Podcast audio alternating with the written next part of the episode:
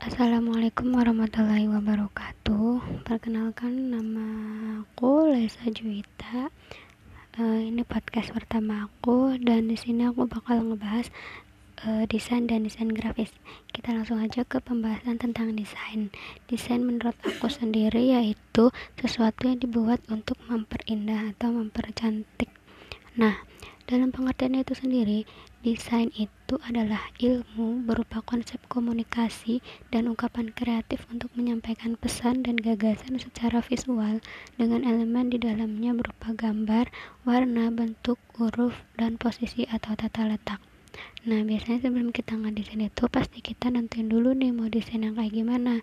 Nah, buat buat mempermudahnya dalam kita ngedesain ternyata desain itu punya prinsip. Nah prinsipnya itu ada lima. Yang pertama itu keselarasan yang kedua itu ada kesebandingan keselarasan dan kesebandingan ini nyambung. Jadi e, desain yang kita buat itu harus selaras atau e, selaras atau sama gitu sama konsep yang pengen kita buat gitu dan sebanding terus yang ketiga itu ada keseimbang yang ketiga ada keseimbangan. Keseimbangan ini kayak misalkan uh, desainnya kita itu pengen rapi. Nah kita harus seimbang untuk posisinya untuk ukuran gambar atau ukuran hurufnya. Terus yang keempat itu ada irama atau ritme.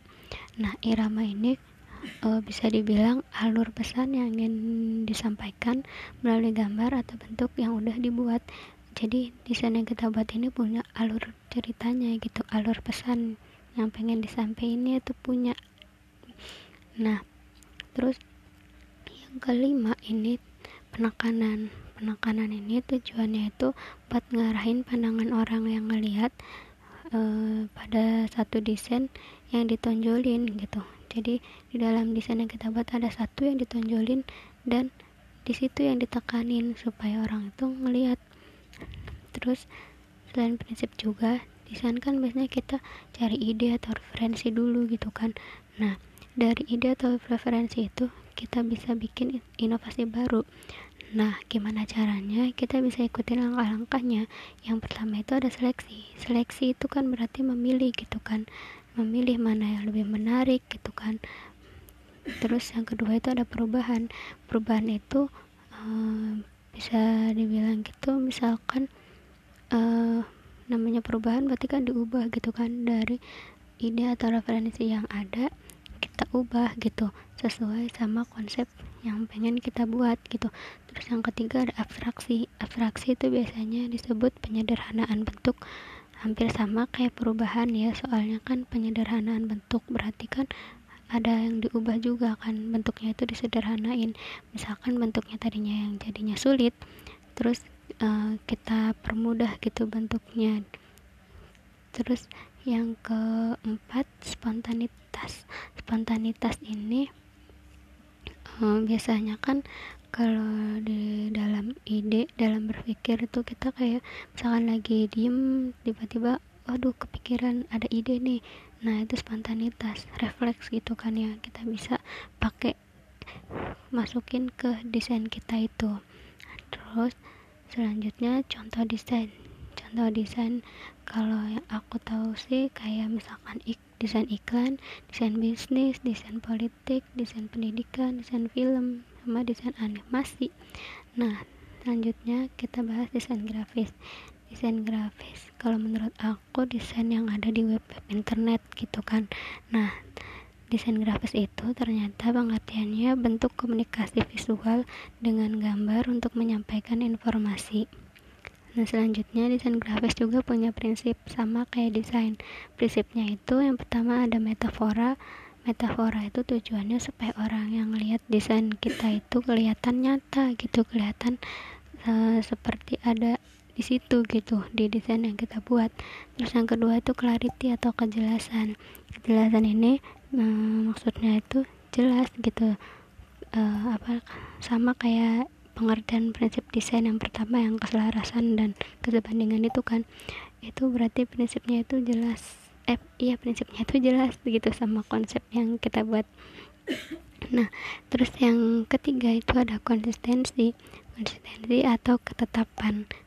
Hmm, di sini tujuannya itu uh, supaya desain yang kita buat itu rapi gitu karena konsisten gitu. Kayak misalkan ukurannya gitu kan itu kan konsisten. Jadi bikin lebih menarik desainnya gitu.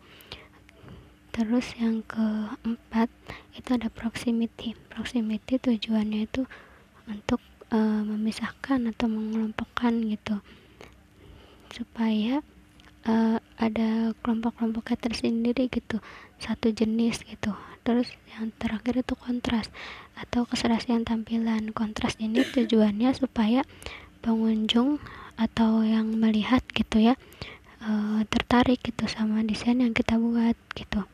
Nah selanjutnya ada user interface. User interface itu berarti kan antar muka pengguna. Berarti di sini itu tujuannya supaya memberi dan menerima informasi dari pengguna gitu. Nah selanjutnya itu di dalam desain grafis itu kan biasanya ada desain tulisan. Nah pemilihan tulisan atau huruf ini biasanya disebut tipografi. Selanjutnya itu ada font. Font pasti kalian sering dengarkan atau sering lihat gitu di word gitu kan. Nah font ini tujuannya itu buat menggambarkan pesan yang pengen disampaikan dari desain yang udah kita buat. Nah ada selanjutnya itu icon. Icon ini yang nantinya dijadiin buat identitas dari web atau aplikasi yang kita desain. Kayak misalkan Shopee nih ikonnya huruf S kan?